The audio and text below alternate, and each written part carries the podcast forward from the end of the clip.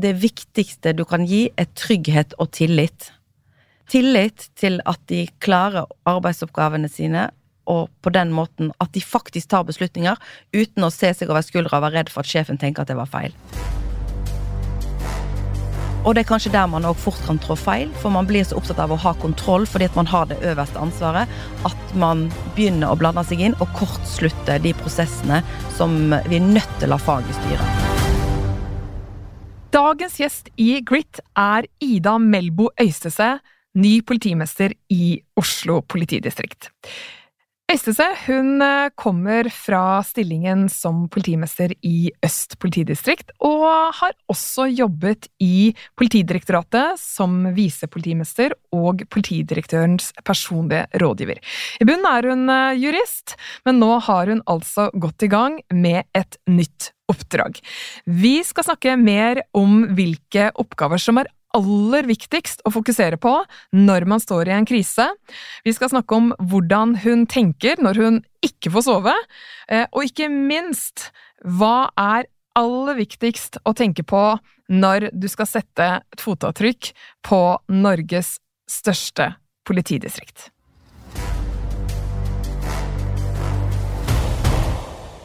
Velkommen til eh, Grit-podkast, Ida. Tusen takk. Du startet jo jobben som politimester i Oslo 1. mai. Liksom, nå er vi inne i november-ish. Hvor lenge har man lov til å si at man er ny i jobben som politimester? Og det har jeg tenkt å bruke en god stund framover. Ja, jeg har det. Eh, absolutt. Eh, så det gir faktisk noen nye muligheter å si at ja, jeg er jo ny her, så liksom gir en anledning til å stille spørsmål på en litt annen måte. Så eh, jeg tror det går litt tid før jeg slipper denne, altså. Ja, du gjør det, ja. Spennende. Men du, du kommer jo da også fra jobben som politimester i Øst. Kan ikke du si veldig sånn kort om hva er forskjellen på å komme fra øst til å være politimester i Oslo? Øst politidistrikt er jo Norges nest største politidistrikt. Og jeg tenkte nok kanskje at eh, ikke det vil være så stor forskjell. Det er ca. 1000 flere ansatte, ca. en god milliard mer i, i, budsjett, men jeg tenkte at det var jo mye av, av, det samme. Der tok jeg feil. Forskjellen er tempoet og hvor raskt ting blir politisk, og hvor stor medieoppmerksomhet det er knytta til alt det vi gjør. Og uh, hvor raskt ting uh, internasjonalt påvirker polititjenesten på bakken i Oslo. Senest nå, når vi så de uh, bombingene av det sykehuset på Gaza, så gikk de underkant av et par timer før vi hadde uroligheter utenfor den israelske ambassaden. Og det er et tempo som, eh, som ikke var like stort i Øst politidistrikt. Nei. Hvilke kall det, føringer for det på din jobb umiddelbart? Betyr det at du må øke tempoet også? Det gjør at eh, jeg må være forberedt på å håndtere krevende problemstillinger hver eneste dag, og at du hele tida må ha kapasitet til det. Så det nytter ikke å fylle kalenderen med mye administrative oppgaver. Det må gå i andre spor, for det må hele tida ha kapasitet til å, å, å sette meg inn i veldig krevende problemstillinger, egentlig. Men der sier du noe med jeg må ha kapasitet til. ikke sant? Og Det ene er jo hvordan du tilrettelegger det med rett og slett hvordan du fyller kalenderen din og hvilke oppgaver du fokuserer på. Men i forhold til å da kjenne at du har det tilstrekkelige mentale overskuddet og kapasiteten, hvordan forbereder du deg da? Kanskje jeg skal fortelle litt om hva en politimesterjobb er.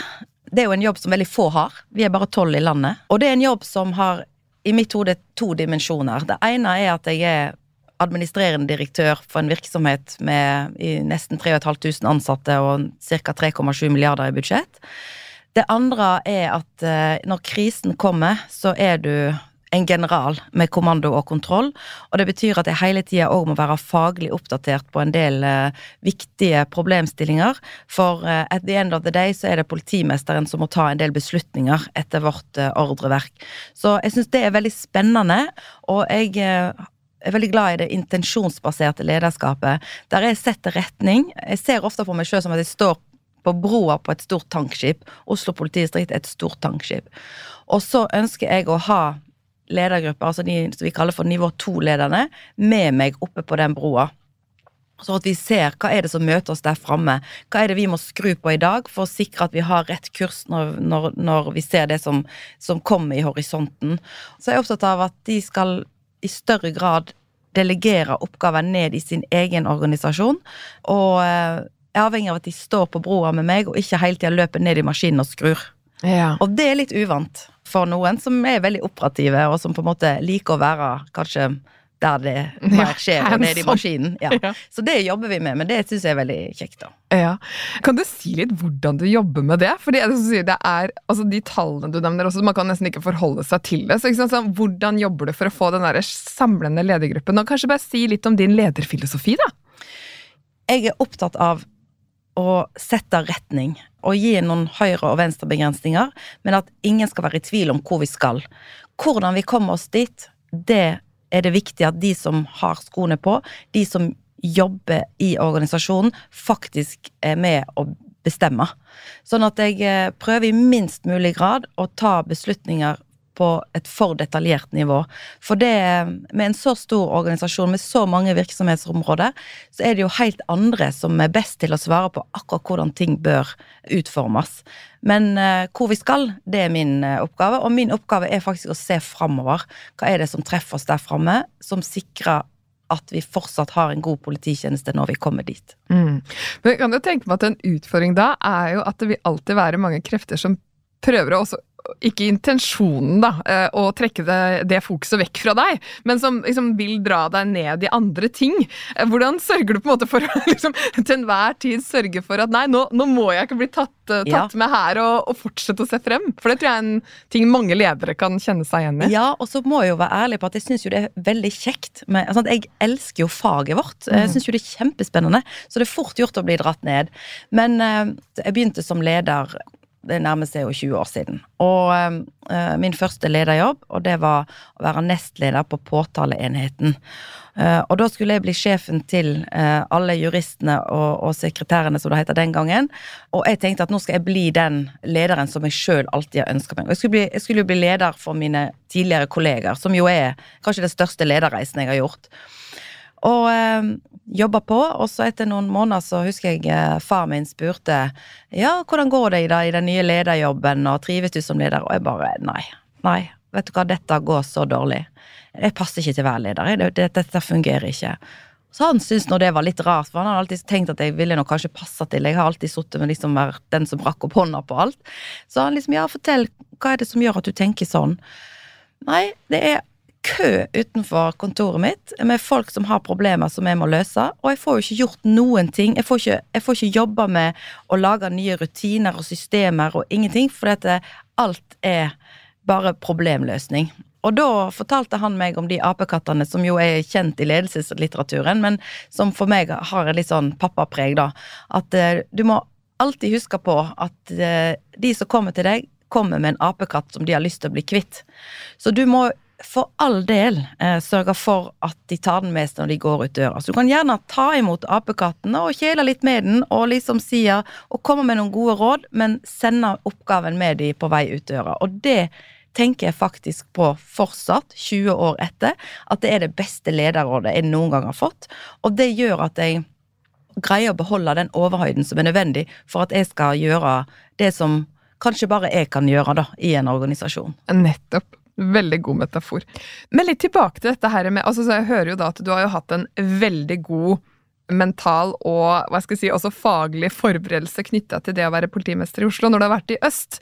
Men når du skal ta på deg et nytt oppdrag på den måten der, da, hvordan spiller du deg selv god for å kjenne at du klarer å håndtere stresset som følger med, holde fokuset, bygger opp en tilstrekkelig selvtillit til å liksom gå på det? Hvordan jobber du med deg selv på det? Jeg har et veldig sterkt samfunnsengasjement. Og jeg har aldri drømt om å bli politimester i Oslo. Så jeg er egentlig litt overraska sjøl over, over at jeg sitter her. Og jeg gikk noen runder med meg sjøl i forhold til ønsker jeg å påta meg det oppdraget.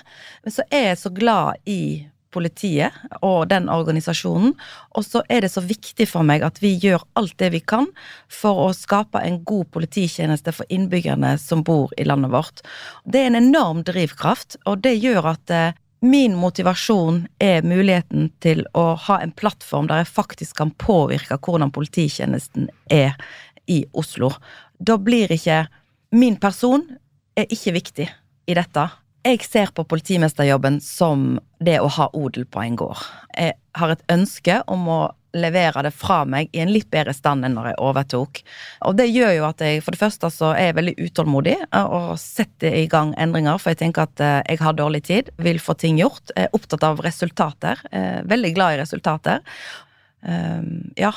Og du sier jo det at du, du, liker eh, resultater, og så høres det ut som du også har en sånn sense of urgency nå, at liksom jeg har dårlig tid. Hvor viktig er det å ha den, eller det elementet med seg, når man jobber i en, eh, hva skal jeg si, en organ som det du gjør?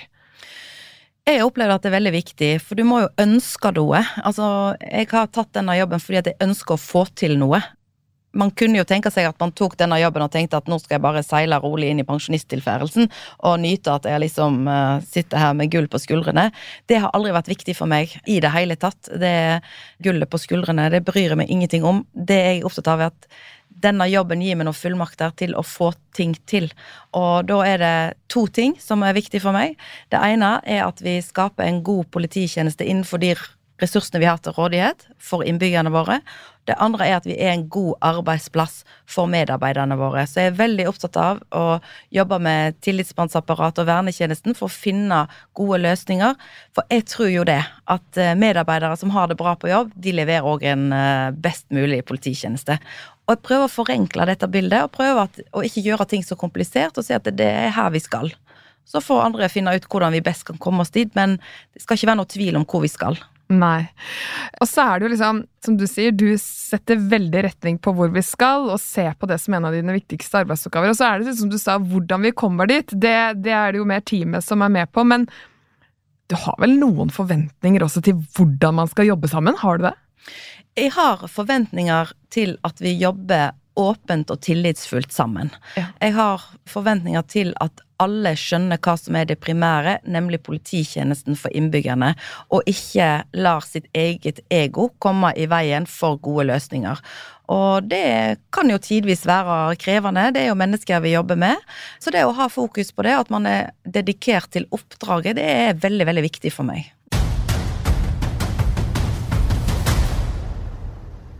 TrippelTex er et veldig fleksibelt regnskapsprogram som passer for alle, og med over 100 000 kunder så er det faktisk Norges mest brukte regnskapsprogram. Og når begrepet årsoppgjør blir nevnt, da tror jeg at jeg ikke er alene som gründer med å kanskje få litt eh, forhøya puls. Og kanskje spesielt siden eh, det i september ble sendt ut et brev fra skatteetaten med informasjon til alle bedriftseiere at fra og med inntektsåret 2023 må skattemeldingen leveres fra et årsoppgjørs- eller regnskapsprogram. Og Det betyr jo at mange kanskje begynte å grue seg litt til dette årsoppgjøret, men det er ingen grunn til det, fordi med trippeltekst så blir arbeidsoppgavene mye enklere. Du får nemlig årsoppgjør og regnskap i samme system, som gir deg en helt annen oversikt og kontroll, uansett om du har enkeltmannsforetak eller AS. Så når du nå skal levere skattemelding og næringsopplysninger, så kan du gjøre det direkte fra regnskapsprogrammet. TrippelTex henter tallene fra regnskapet ditt, og flere beregninger blir gjort automatisk. Til og med fradragene passer TrippelTex på for deg. Så er du litt usikker på hvordan TrippelTex kan hjelpe deg mer, så gå inn på hjemmesiden deres, og du kan i tillegg få lov til å teste det gratis i 14 dager ved at du går inn på trippeltex.no slash gratis. Du, du, må fortelle meg litt om din reise. Og på en måte, Hva er det som du syns har preget deg til den du er i dag? Du nevnte jo faren din litt. Det hørtes ut som han har kanskje vært en liten lederrådgiver tidvis.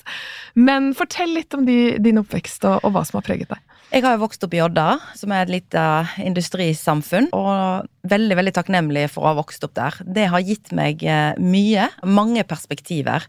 Det lærte meg tidlig at eh, det er faktisk ikke helt tilfeldig hva sjanser du har for å klare deg bra. Det er ikke tilfeldig hva familie du vokser opp i. Og jeg har alltid sett på meg sjøl som veldig, veldig heldig, som har vokst opp i veldig trygge omgivelser. Og eh, så at ikke alle andre hadde det like godt som meg. Og det tror jeg har ligget i meg et litt sånn ansvar for å bidra. Skape eh, noe bedre. Ta vare på folk. Det ligger nok sterkt i meg. Og så var jeg jo veldig samfunnsengasjert. Og når jeg var liten, så hadde jeg sånn fast eh, plass på bibliotek, og det var veldig flott bibliotek i Odda. Eh, bibliotekarer som var oppriktig engasjert, og som sendte meg hjem med nye bøker eh, to ganger i uka, tirsdager og torsdager, og så, så diskuterte med meg når jeg kom tilbake. Så jeg, både i familien og i omgivelsene, så har jeg alltid opplevd at folk har lyttet lytte til det jeg har å si. Ikke være enig i det jeg har å si, men at min mening har betydning. Og det tror jeg har bygd en ganske sånn robust eh, selvfølelse, som jeg flyter litt på. Så eh, ble jeg veldig tidlig samfunnsengasjert og politisk aktiv. Vi hadde ingenting sånt i, i min familie. Så det, det, var jo veldig uvant. Og jeg eh, starta jo da Odda Unge Høyre da jeg var 16 år, og det hadde jo aldri fantes før. Og Høyre i Odda hadde jo hemmelige medlemslister til omtrent ut på 80-tallet. Hadde du det? Så, ja, så det var veldig, det var veldig sånn. Og da var jo eh, i, i, i tettstedet så, så, så, fikk jo far min liksom høre at stakkars deg, Olav, som har fått ei sånn datter. For de trodde jo, folk trodde at han måtte synes at det var ganske ille. og Det gjorde han jo ikke. Han var veldig stolt. Men uh, det uh, gjorde jo at uh, yrkesvalget falt veldig lett. Det jeg visste allerede på gymnaset at jeg ville bli jurist. Jeg liker det der at det ikke er en fasit, og at det ikke er to streker under et svar. At det må alltid være mulig å se ting på en annen måte. Så eh, begynte jeg å jobbe som advokatfullmektig eh, i Fredrikstad. Og så eh, var jeg en tur innom politiet der før vi reiste til Singapore. Og der eh, jobba jeg òg som sånn legal associate for et, eh, et eh, norsk advokatfirma. Eh, og det var jo et liv i sus og dus. Det, det, var det. Men da kjente jeg veldig på at jeg fikk ikke masse energi av å få penger til å bli mer penger. Jeg fikk energi på en helt annen måte når jeg jobba i politiet. Så når jeg kom tilbake, så var det viktig for meg å utforske det videre. Og siden så har jeg i grunnen aldri sett meg tilbake. Det ble et verdivalg, det. Ja, det ble et verdivalg. Ja. Jeg tenker sånn, I din jobb så, så, kan eh, feil koste en del. Men hva er din holdning til det å gjøre feil? Hvilke feil er lov, og hvilke feil er ikke lov, i ditt hode? Det var en av de tingene som jeg tenkte veldig mye på før jeg eh, gikk på denne jobben. For ikke mange ukene sine så var jeg i kontroll- og konstitusjonskomiteen av de hendelsene 25. juni, terrorhendelsene i Rosenkransgaten. Da reflekterte jeg mye rundt at jeg har et ansvar der jeg må ta beslutninger på veldig kort, uh, i et veldig kort tidsvindu, uten å ha et fullstendig beslutningsgrunnlag. Og da er det viktig at man har rydda i sitt eget hode. Og i mitt hode så uh, har jeg uh, veldig klart for meg at jeg må være forberedt på å ta feil beslutninger. Jeg må være forberedt på at i ettertid vil bli granska, og at det vil bli ettergått med millimeterpresisjon eh, når man sitter med fasiten. Det som er viktig, er at det ikke gjør meg redd for å ta beslutninger.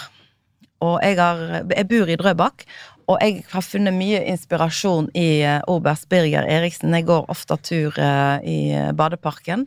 Og den beslutningen som han tok i april 1940, der han faktisk beordra å skyte med skarpt mot Blykjer. Og han sa noe som jeg ofte tenker på. Han sa enten blir det krigsrett, eller blir det krigshelt. Så jeg er veldig forberedt på å måtte ta beslutninger som i ettertid vil vise seg feil. Eh, jeg er veldig forberedt på å ta konsekvensen av det. Eh, det som er viktig, er at jeg aldri tar ut risiko på sikkerhet, og at jeg eh, alltid må være klar for å ta beslutninger, selv om jeg så gjerne skulle ha hatt et bedre grunnlag. Mm. Men er det litt det, siden du da har på en måte visualisert ut dette er litt av det jeg må tåle, så finner du en aksept og ro i det. Ergo tør du å ta beslutninger. Er det litt det du sier? Ja, det er det jeg sier. Og så håper jeg òg, og dette er jo noe som jeg òg deler med mine medarbeidere, eh, og jeg håper jo òg at andre kan finne trygghet i det. At uh, det er en del av oppdraget vårt, er faktisk uh, å tåle å stå i situasjoner som er krevende, og være forberedt på at vi har tatt feil. Vi sender folk ut hver eneste dag døgnet rundt i situasjoner der det er små marginer, og der feil kan få fatale konsekvenser.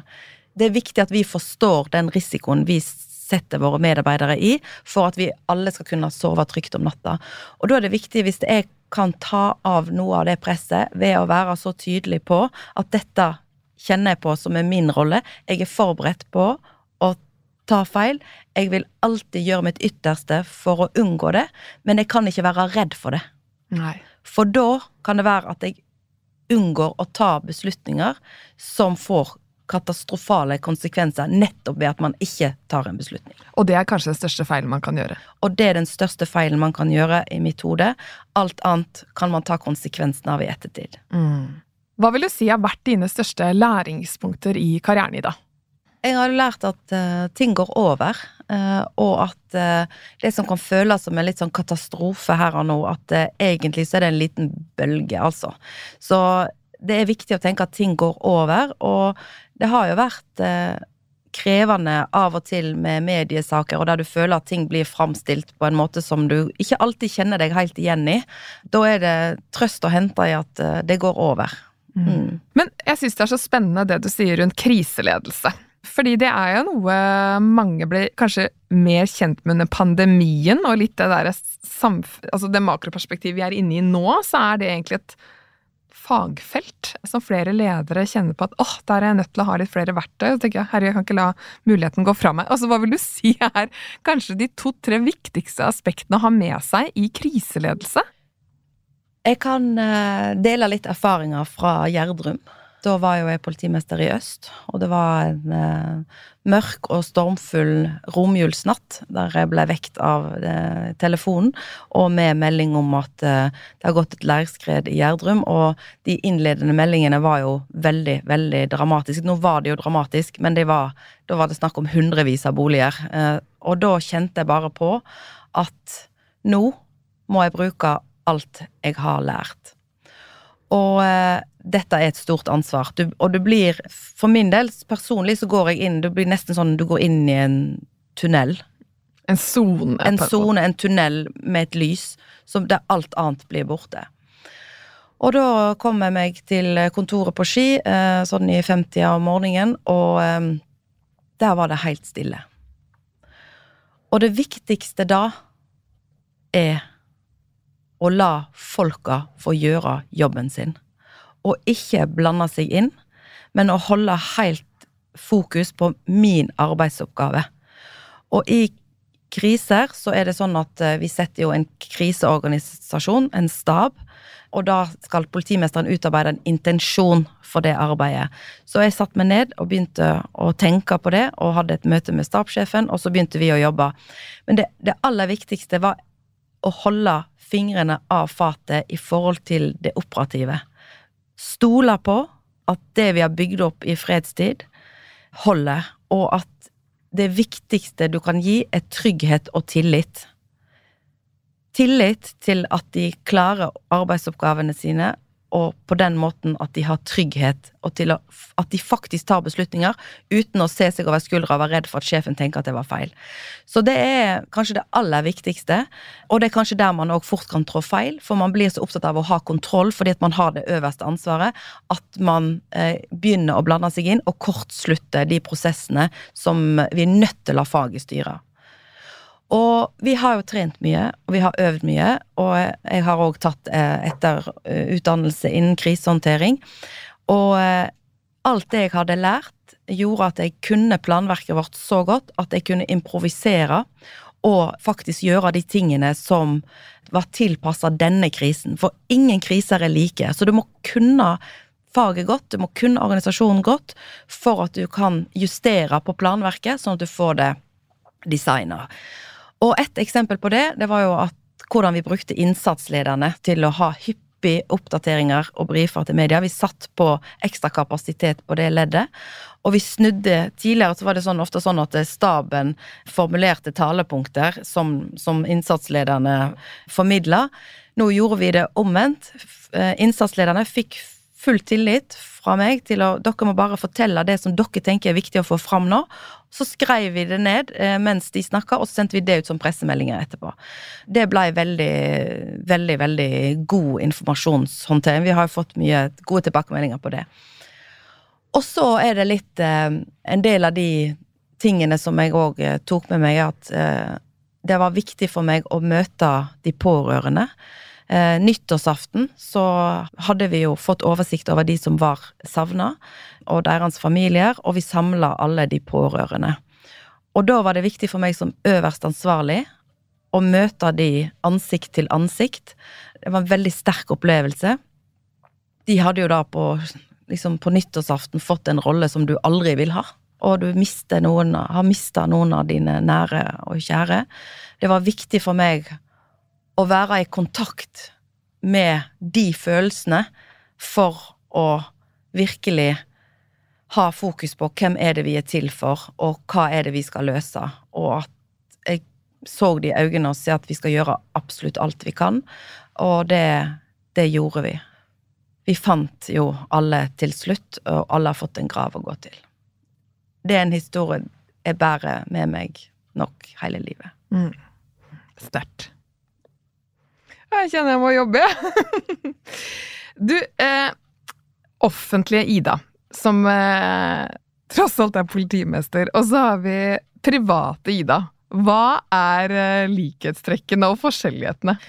Jeg tror likhetstrekkene er at jeg er veldig åpen, og at jeg er veldig glad i mennesker. Og så er jeg veldig opptatt av at, eh, at folk skal ha det bra. Så jeg eh, liker å passe på flokken min. Jeg er veldig, veldig familiekjær. Og de vennene jeg har, har jeg hatt i, i, gjennom veldig, veldig mange år.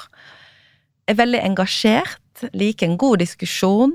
Så det er vel liksom likhetstrekkene, tror jeg. Jeg er meg sjøl, og det får jeg, har jeg fått mye tilbakemelding på på jobb òg, at det, det, oppleves som trygt at jeg er så åpen, ja. Eh, og at alle veit hvor de har meg. Og eh, Eh, jeg har, jeg har hørt jeg har en kroppsspråk som en treåring, så det Er det også forutsigbart? Det er veldig forutsigbart. Ja. Men er det noe du er skikkelig allergisk mot? Ja, det er det. Jeg er veldig allergisk mot skjulte agendaer, og at folk ikke er åpne og transparente. Og hvis man prøver å skjule ting eller dekke over ting. Jeg er veldig opptatt av at eh, har du gjort noe som kanskje ikke var helt tipp topp, ja, så kom nå med det, og så får vi det på bordet, og så får vi rydde opp i det. Ikke prøv å skjule, og ikke prøv å skylde på andre. Så det har nok òg ligget i den oppdragelsen av de guttene mine, altså. Ja. men kan jeg spørre deg, det er jo veldig kanskje nærgående spørsmål, men sånn i politiet, da. Er det mer skjulte agendaer der og mer politikk der enn andre steder, tror du? Det syns jeg er litt vanskelig å svare ja. på, for eh, jeg har ikke vært i så mange andre store organisasjoner. Men det er jo noen kjennetegn med politiet som jeg tenker i hvert fall det er viktig å være oppmerksomme på. At vi er en organisasjon der veldig mange har gått eh, eh sammen under utdanningen. Politihøgskolen. Mange har jobba i samme politidistrikt hele karrieren.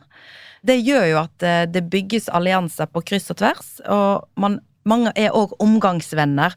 Og ikke minst, vi har jo òg mange politipar, for man finner seg ja. hverandre. Finner jo gjerne kjærligheten, da, sant, eh, liksom der i midten av 20-årene. Og, og det er, jeg skjønner jo godt også, når du er interessert i det samme og valgt samme uttalelsen, så er jo det er jo en no-brainer, det. Så, eh, så, der har vi noen trekk som jeg tror det er viktig at vi er oppmerksomme ja, på. Veldig godt poeng. Eh, og det er viktig i mitt lederskap at vi må ha et øye på om at vi ikke blir for lukka, og at vi åpner opp i større grad. Ja. Du, når det kommer til, Kalle, liksom, hvis du avdekker litt skjulte agendaer, eller du erfarer at det er en elefant i rommet, hvor tidlig er det viktig å adressere disse tingene, tenker du, i prestasjonskulturer som politiet? Med en gang. Og der er jeg òg liksom, Kanskje oppleves kanskje litt sånn veldig direkte. Men altså, hvis det er være at noe skurrer, da blir jeg veldig direkte. Og da spør jeg rett ut. Ja. Eh, si meg nå, nå opplever jeg at det er noe her vi, som jeg ikke forstår, og som ikke, ikke helt henger sammen. Eller ikke er uttalt. Ja. Eller ikke uttalt. Mm. Eller hva er dette her for noe? Så, og så er jeg veldig opptatt av å gjøre det eh, åpent. Og eh, det var jo i, i den første politimesterjobben i Øst, så overtok jeg den veldig brått, fordi at den andre politimesteren fikk nye oppgaver. Og eh, det var over natta. Jeg hadde bare vært der i 14 dager. Og der var det nok en kultur der var, var vant Altså, det var om å gjøre å skynde seg til politimesteren og få lagt fram et problem i sin kontekst, og håp om at politimesteren nikket nikka eller sa ja eller liksom godkjente. Og så snudde man seg til organisasjonen og sa ja, nei, nå har jeg snakka med politimesteren, og hun var helt enig i at. sant? Ja. Og jeg tenker at det er jo dette jeg prøver å unngå i mitt lederskap. At eh, de diskusjonene vi har, de skal vi ha i full åpenhet, og det skal vi ha i ledergruppa.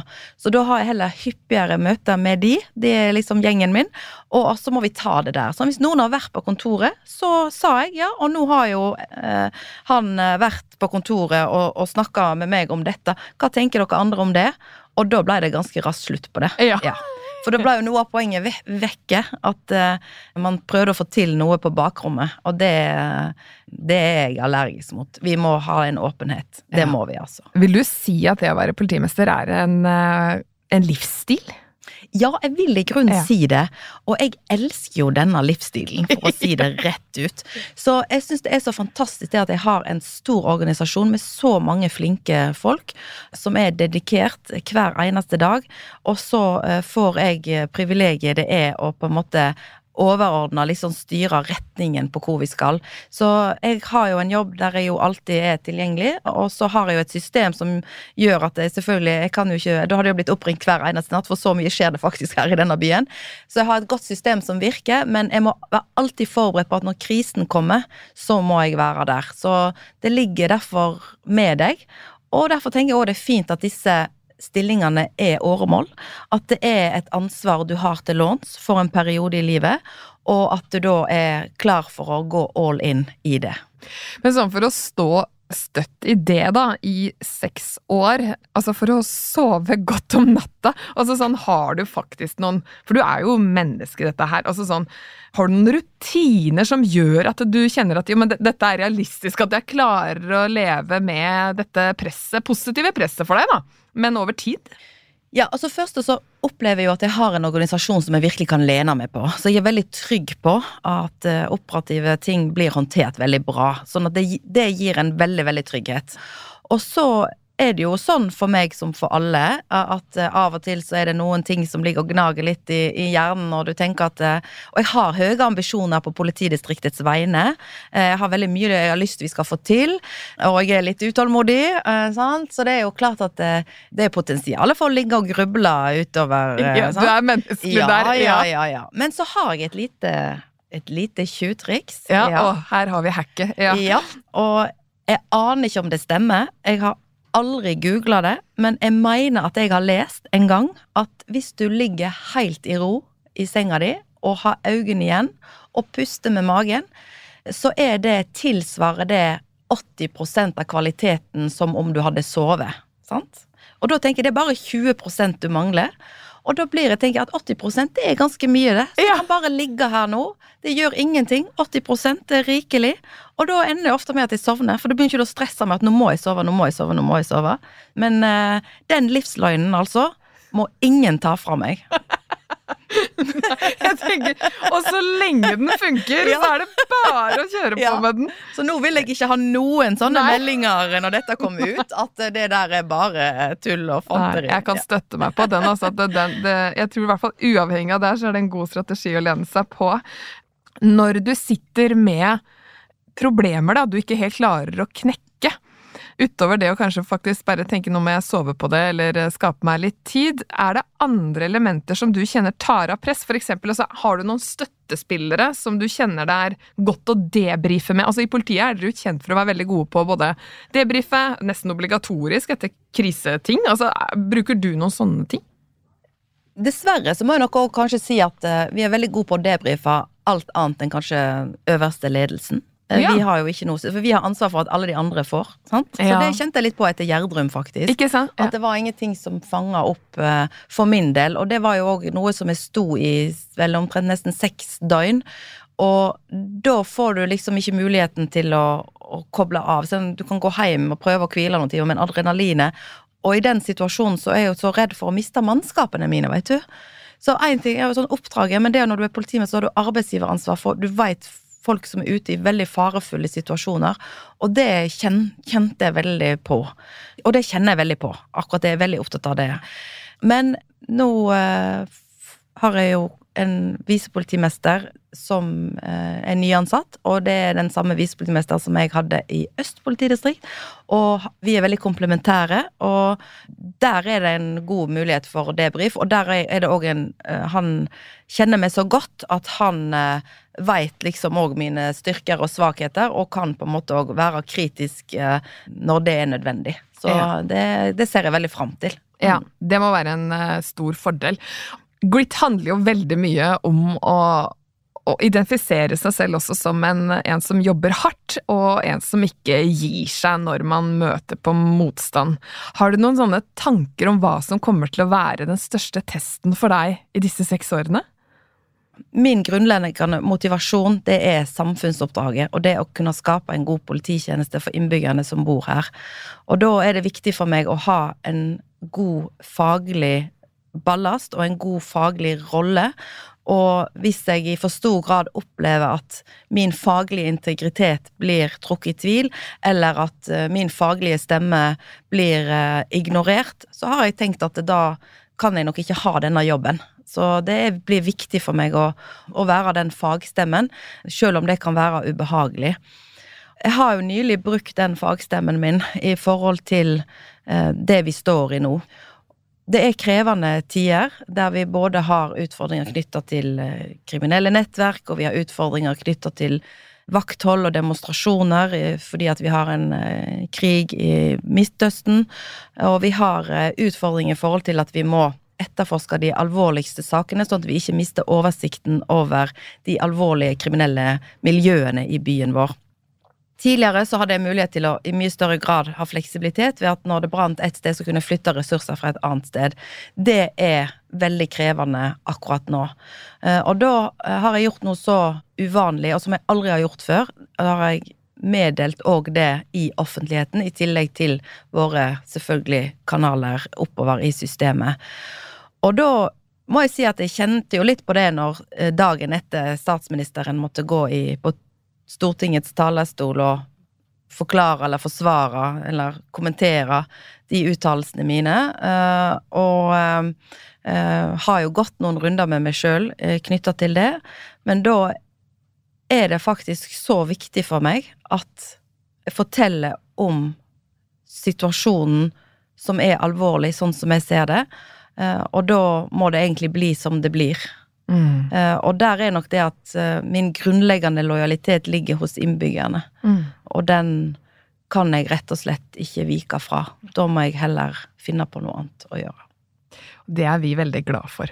Du, du, du snakker jo om uh, politiet, og også politiet i Oslo, som en så stor familie, så da er det kanskje ikke lov å liksom, favorisere noen barn framfor andre, hvis jeg skal bruke den metaforen. Men uh, altså, det er det jeg er så fascinert over. At det, altså, det, er så stort, og det er så mange ulike det avdelinger og enheter. Men er det noen av disse delene av politiet som ligger eh, ditt hjerte nærmere enn andre? Ut fra interesse, eller ja, og det er riktig som du sier, at du kan ikke ha noen eh, favorittbarn. Eh, men eh, nå er det sånn at jeg er nok aller mest opptatt av de som jobber i vår førstelinje. De som har kontakt med innbyggere hver eneste dag. Og det er uavhengig om du er på patrulje eller driver med etterforskning, eller om du jobber som jurist eller saksbehandler. Så det som er viktig for meg, er at uh, vi som jobber i ledernivåene over, at vi greier å legge til rette for at det skal bli så bra som mulig. Og da er jeg opptatt av at vi må få mer kraft ut i den første linja, og det er de tingene som uh, er viktig for meg å jobbe med nå i det åremålet som jeg har. Du jobber jo i da en organisasjon bestående av mange menn, men eh, er det noe du har lyst til å si til de kvinnene og unge mennene som eh, stifter familie, jobber mye med, i politiet kanskje, og som kjenner på dette med åh, går tiden fra meg, jeg skulle kanskje jobbet mer med folk alltid til, og står i den der klassiske da, spagaten. Hva vil du si til de da? Ikke ha det så travelt yrkeslivet vårt er faktisk ganske langt.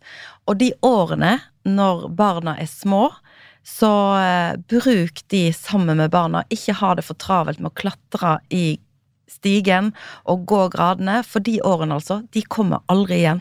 Og den tryggheten du eh, opparbeider deg med å ha vært eh, godt til stede i deres liv, det blir så fint når de blir voksne, eh, å ha den ballasten med seg. Så jeg hadde håpet at flere kunne framheve det at det går an å ha en karriere. Det går an å bli toppleder samtidig som du er sammen med de når de er små, i, den, i de viktige årene. Så det er viktig for meg å få formidla litt sånn livserfaring fra en, fra en eh, voksen kvinne. Ja, du, det tar vi med oss. Og så må jeg jo faktisk, da er jeg litt inne på sporet. Altså, nå har vi en eh, en eh, kvinne som politidirektør, vi har deg som politimester, og så har vi PST-sjefen. som er Det er ganske gøy! Ja, I en mannsdominert uh, bransje, om man kan si det sånn. Ja, det ja. er jo det. Og jeg tror vi bringer med oss noen andre verdier. I hvert fall opplever jeg det sjøl, at uh, min uh, drivkraft er jo særlig å ta vare på de mest sårbare i samfunnet, barna våre. De som er avhengig av at vi har et system, de som er avhengig av at politiet finner den kriminaliteten som blir begått mot dem.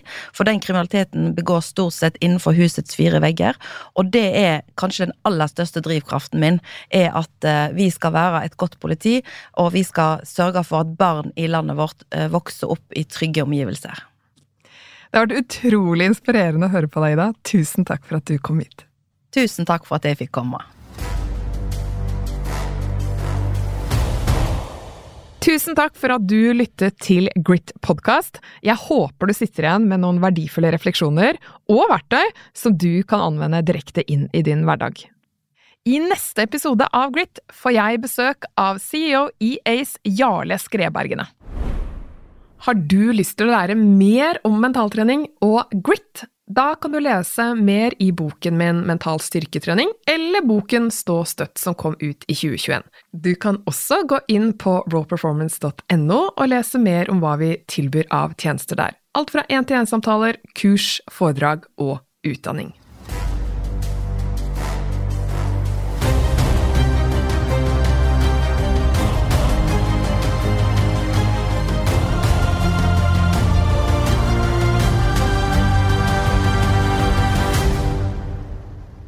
Denne podkasten er produsert av Monster Podkast for Raw Performance.